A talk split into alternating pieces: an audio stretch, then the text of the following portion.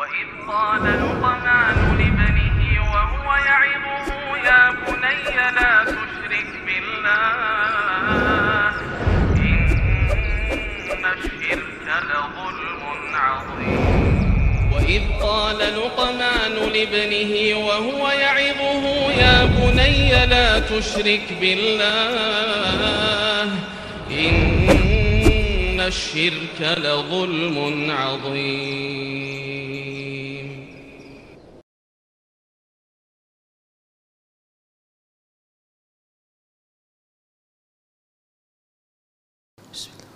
السلام عليكم ورحمة الله وبركاته. إن الحمد لله نحمده ونستعينه ونستغفره ونعوذ بالله من شرور أنفسنا وسيئات أعمالنا. من يهده الله فهو المهتدئ ومن يضلل فلن تجد له وليا مرشدا. أشهد أن لا إله إلا الله وحده لا شريك له وأشهد أن محمدا عبده ورسوله الذي لا نبي بعده. وقال الله سبحانه وتعالى يا أيها الذين آمنوا اتقوا الله حق تقاته ولا تموتن إلا وأنتم مسلمون. يا أيها الذين آمنوا اتقوا الله وقولوا قولا سديدا يصلح لكم أعمالكم ويغفر لكم ذنوبكم ومن يطع الله ورسوله فقد فاز فوزا عظيما. يا أيها الناس اتقوا ربكم الذي خلقكم من نفس واحدة وخلق منها زوجها وبث منهما رجالا كثيرا ونساء واتقوا الله الذي تساءلون به والأرحام. إن الله كان عليكم رقيبا. أما بعد إن أصدق الحديث كتاب الله وخير الهدي هدي محمد صلى الله عليه وسلم وشر الأمور محدثاتها وكل محدثة بدعة wa kulla bid'atin dolala wa kulla dolalatin finnar. Masalah berikutnya ikhwah. Ma hiya ashharu turuqi itsbatin nasab ijmalan? Apa cara? Cara yang paling masyhur dalam menetapkan nasab itu bagaimana? Ya. Apa dia? Apakah cara bagaimana ataupun cara bagaimana cara menetapkan nasab yang paling masyhur? Jawabannya ikhwah, ya tentunya menetapkan nasab menurut tinjauan syariat. Ya, menunjuk menurut tinjauan syariat. Uh, yang pertama ikhwah, liitsbatin nasab turukun minha untuk menetapkan nasab ada beberapa cara. Untuk melihat garis keturunan, untuk melihat nasab, maka ada beberapa cara. Yang pertama yaitu al-firashus sahih. Kalau kita artikan lafaz secara terlit, ini artinya firosh yaitu tilam ataupun kasur. Sahih yang sahih, yang sah. Maksudnya apa ikhwah? Yang dikatakan firasus sahih yaitu pernikahan yang sah ya pernikahan yang yang sah. Tapi kenapa dikatakan firosh? Begini ikhwah. Uh, sebagian ulama menyebutkan firosh itu kan sesuatu yang ditiduri sebagai alas tidur kita. Ya, sebagai alas tidur kita. Oleh karena itu uh, si alas tidur ini ya, si alas tidur ini diumpamakan dia adalah istri. Ya, diumpamakan adalah istri. Tapi apabila si istri ini melahirkan seorang anak, maka anak ini punya siapa? Ke mana dinisbatkan? Maka dinisbatkan kepada suami si istri yang syariat menyebutkannya mengumpamakannya seperti tempat tidur ataupun tilam ataupun kasur. Siapa suami yang sah? maka otomatis anak yang lahir dari wanita ini ya anak si suaminya. Demikian. Bukan orang laki-laki yang lain. Demikian ikhwah. Jadi yang dikatakan firasus sahih al-mansus alaihi fi qaulin Nabi sallallahu alaihi wasallam. Yaitu sebagaimana yang dinaskan dalam uh, sabda Nabi sallallahu alaihi wasallam al waladu lil firashi. Anak itu lil firash. Anak itu uh, apa namanya milik si uh, punya si pemilik firos maksudnya Ya si wanita tersebut. Wanita itu milik siapa atau siapa suaminya? Siapa suami yang sah maka anak yang keluar dari dari rahim si istri, anak yang lahir dari janin si istri, maka ke sanalah nasabnya ke suaminya si istri.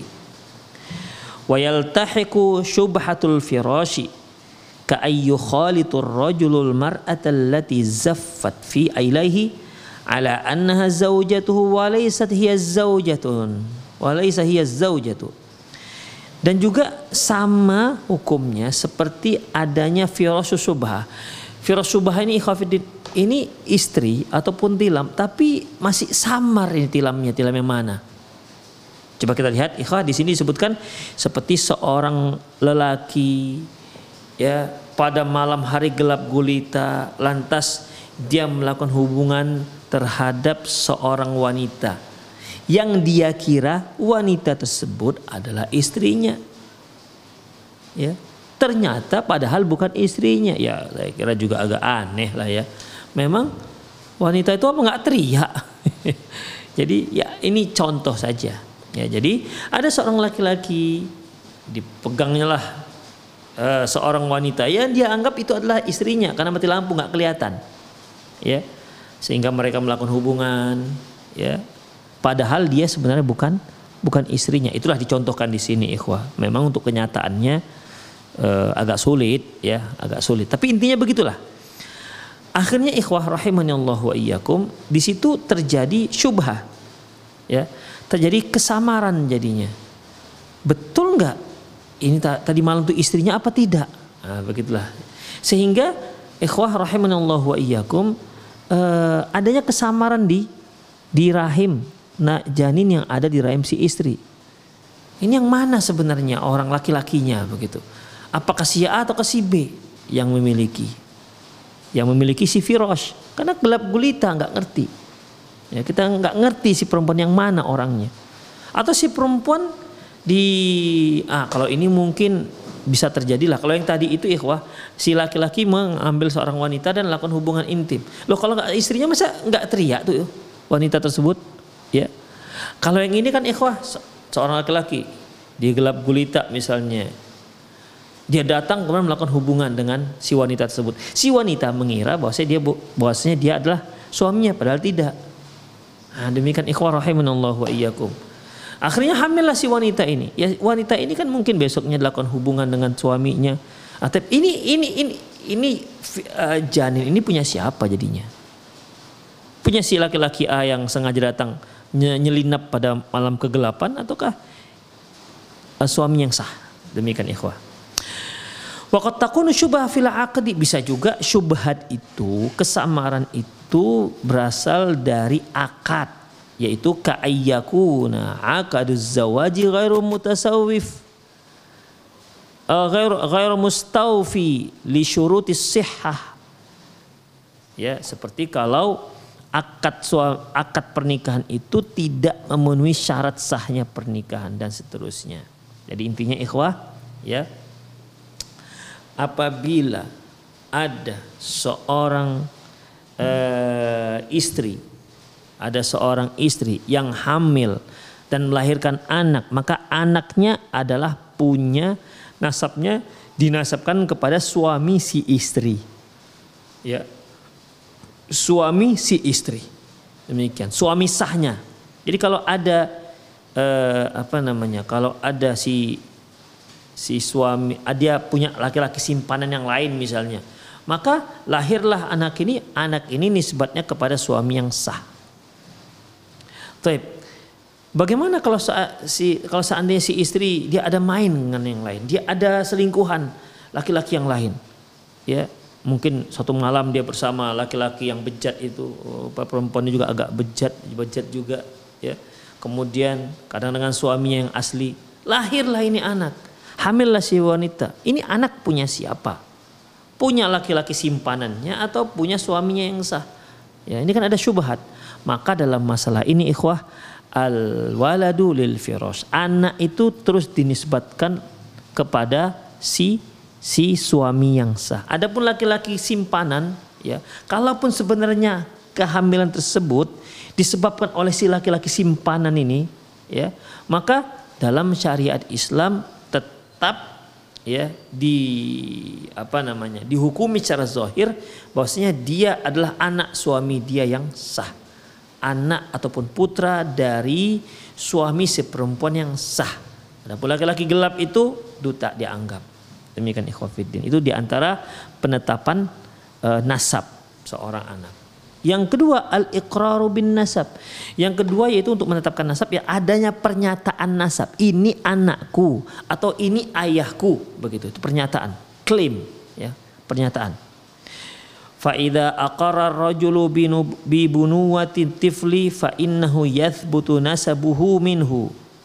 Apabila seorang laki-laki dia menyatakan bahwasanya si kecil ini anak kecil ini adalah anaknya maka dengan demikian nasabnya dinis, nasab si anak dinisbatkan ke si laki-laki tersebut dengan tiga syarat.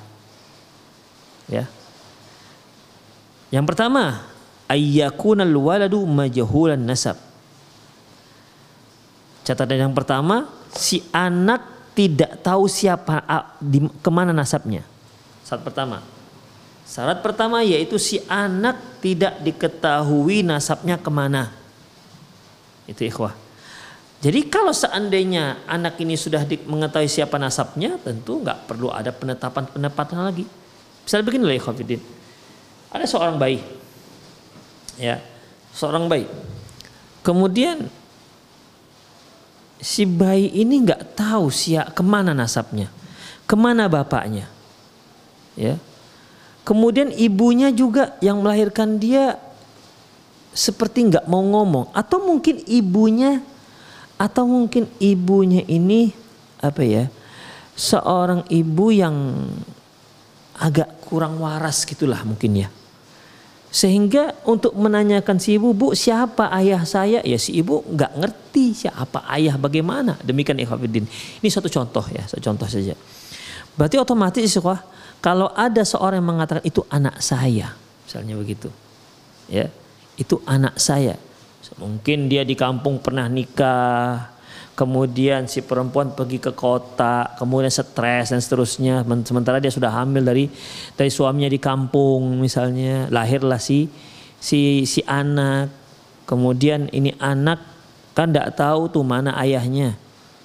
Si ibu juga karena sudah stres nggak bisa menjawab pertanyaan siapa ayah daripada si anak yang dia lahirkan. Datanglah seseorang mengatakan ini anak saya.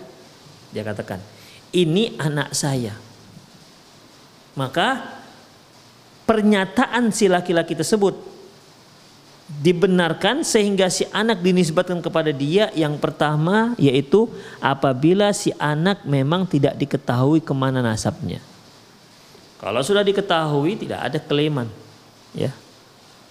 Itu yang pertama ikhwah. Yang kedua ayyakuna faraqas sin bainahuma yasmahu ayyakunal mukirru lahu waladan lil mukir yaitu jarak usia antara lelaki yang mengklaim dia anaknya dengan si anak itu harus sesuatu beda usia yang ada kemungkinan si laki-laki yang mengklaim jadi bapak dan si anak menjadi anak. Misalnya nih, ya si anak sudah berusia 10 tahun. Ya. Berusia 10 tahun. Datang seorang laki-laki. Ya, seorang laki-laki. Kemudian dia mengklaim, "Ini anak saya," katanya. Ya, anak saya katanya. Kemudian ditanya, "Bapak berapa usianya?" Ini si anak kan 10 tahun. Bapak berapa usianya? Usia saya 17 tahun. Berarti beda antara usia si anak dengan usia si laki-laki yang mengklaim itu adalah anaknya hanya tujuh tahun.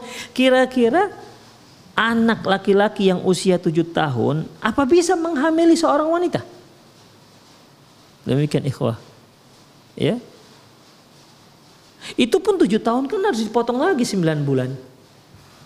Berarti kalau kita hitung-hitung dia melakukan hubungan dengan perempuan itu di usia enam tahun enam tahun tiga bulan kira-kira mungkin nggak ya jadi perbedaan usia harusnya memang perbedaan usia yang memang memungkinkan si laki-laki itu untuk menjadi seorang ayah. Tapi kalau seperti ini kan tidak memungkinkan. Makanya dicoret tidak pernyataan Anda, klaiman Anda kita tolak kata Pak Hakim. Kenapa? Karena jarak usia Anda dengan si anak itu tidak terpaut jauh dan tidak mungkin anak ini eh, jadi melalui Anda.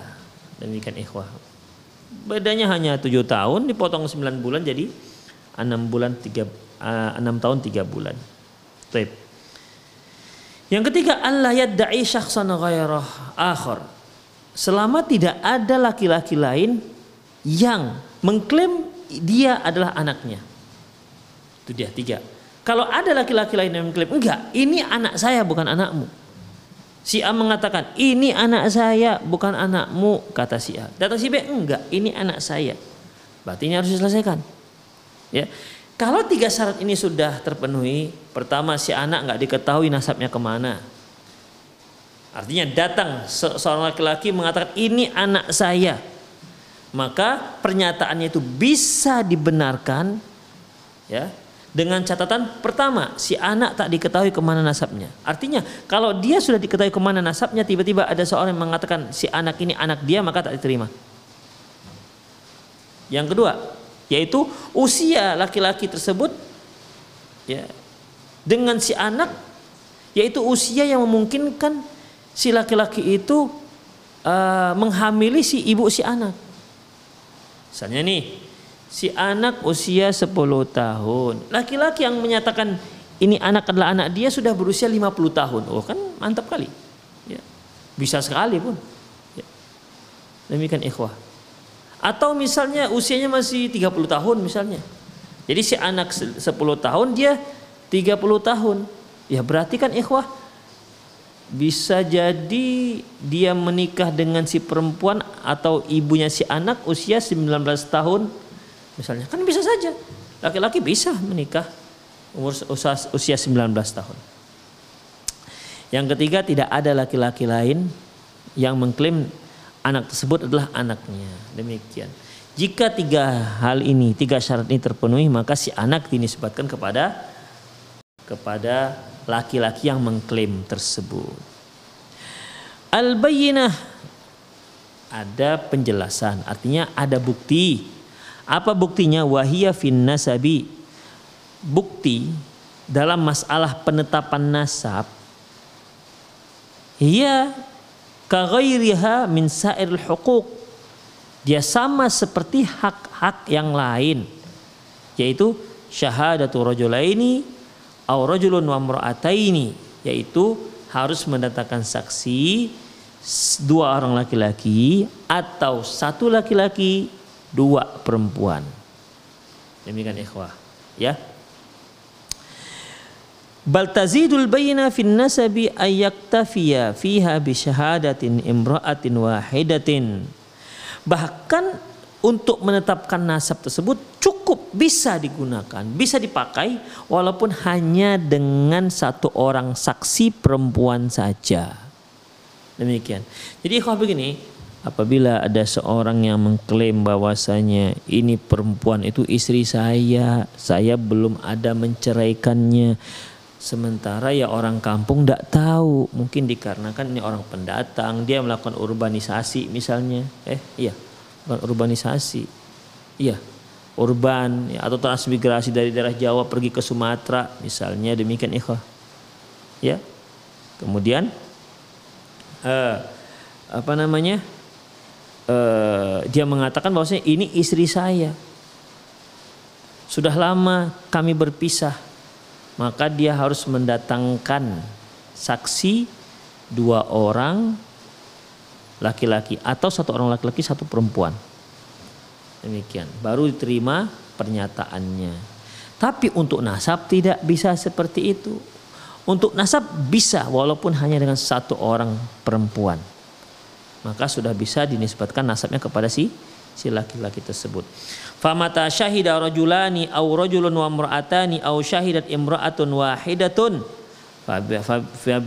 bi bi ayyi hadha tifli lahu wa annahu wulida min firashihi min zaujatihi thabata nasabuhu minhu apabila sudah disaksikan, sudah bersaksi dua orang laki-laki atau satu orang laki-laki tambah dua orang perempuan. Atau mungkin yang bersaksi hanya satu orang perempuan saja terhadap si anak ini maka anak itu berarti punya al-waladul firos anak itu punya yang memiliki si pemilik tilam. Artinya punya si ibu. Ya. Lahir pada si ibu dan si ibu ini suaminya mana? Dialah ke sanalah dinisbatkan kepada anak-anak tersebut. Demikian ikhwah. Al waladu lil firos. Anak itu milik yang memiliki pemilik nisbatnya kepada si pemilik kasur atau tilam. Ya tentunya ikhwafidin hak milik itu bisa dikatakan hak milik kalau memang akadnya sah. Demikian sama seperti jual beli ikhwah. Kalau seandainya tidak memenuhi syarat sahnya akad ya atau Eh, ada pelanggaran dalam melakukan akad jual beli maka otomatis ya tidak terjadi per, perpindahan hak milik. Tidak terjadi perpindahan hak milik. Demikian. Misalnya ini ada seorang yang jual HP misalnya. Ya. Ini HP asli pak katanya. Ini HP asli. Dan HP-nya baru. Berapa harganya? Harganya 5 juta kata si counter kata si penjual HP, dibelilah 5000. Ya. Katanya asli dan baru. Ketika dibuka ternyata tak asli. Ketika dibuka rupanya palsu. Maka otomatis apa namanya? perpindahan hak milik HP ini kepada si pembeli itu menjadi tak sah. Kecuali kalau si pembelinya dari ridho udah nggak apa-apalah kasihan itu yang mungkin yang jual HP kelaparan misalnya ya hitung-hitung sedekah lah enggak apa-apa saya ridho lain ceritanya ini kalau dia nggak ridho ya dia nggak ridho. Maka HP-nya belum berpindah hak milik kepada si pembeli uang si pembeli belum menjadi hak milik si penjual. Karena apa? Karena jual belinya tak sah.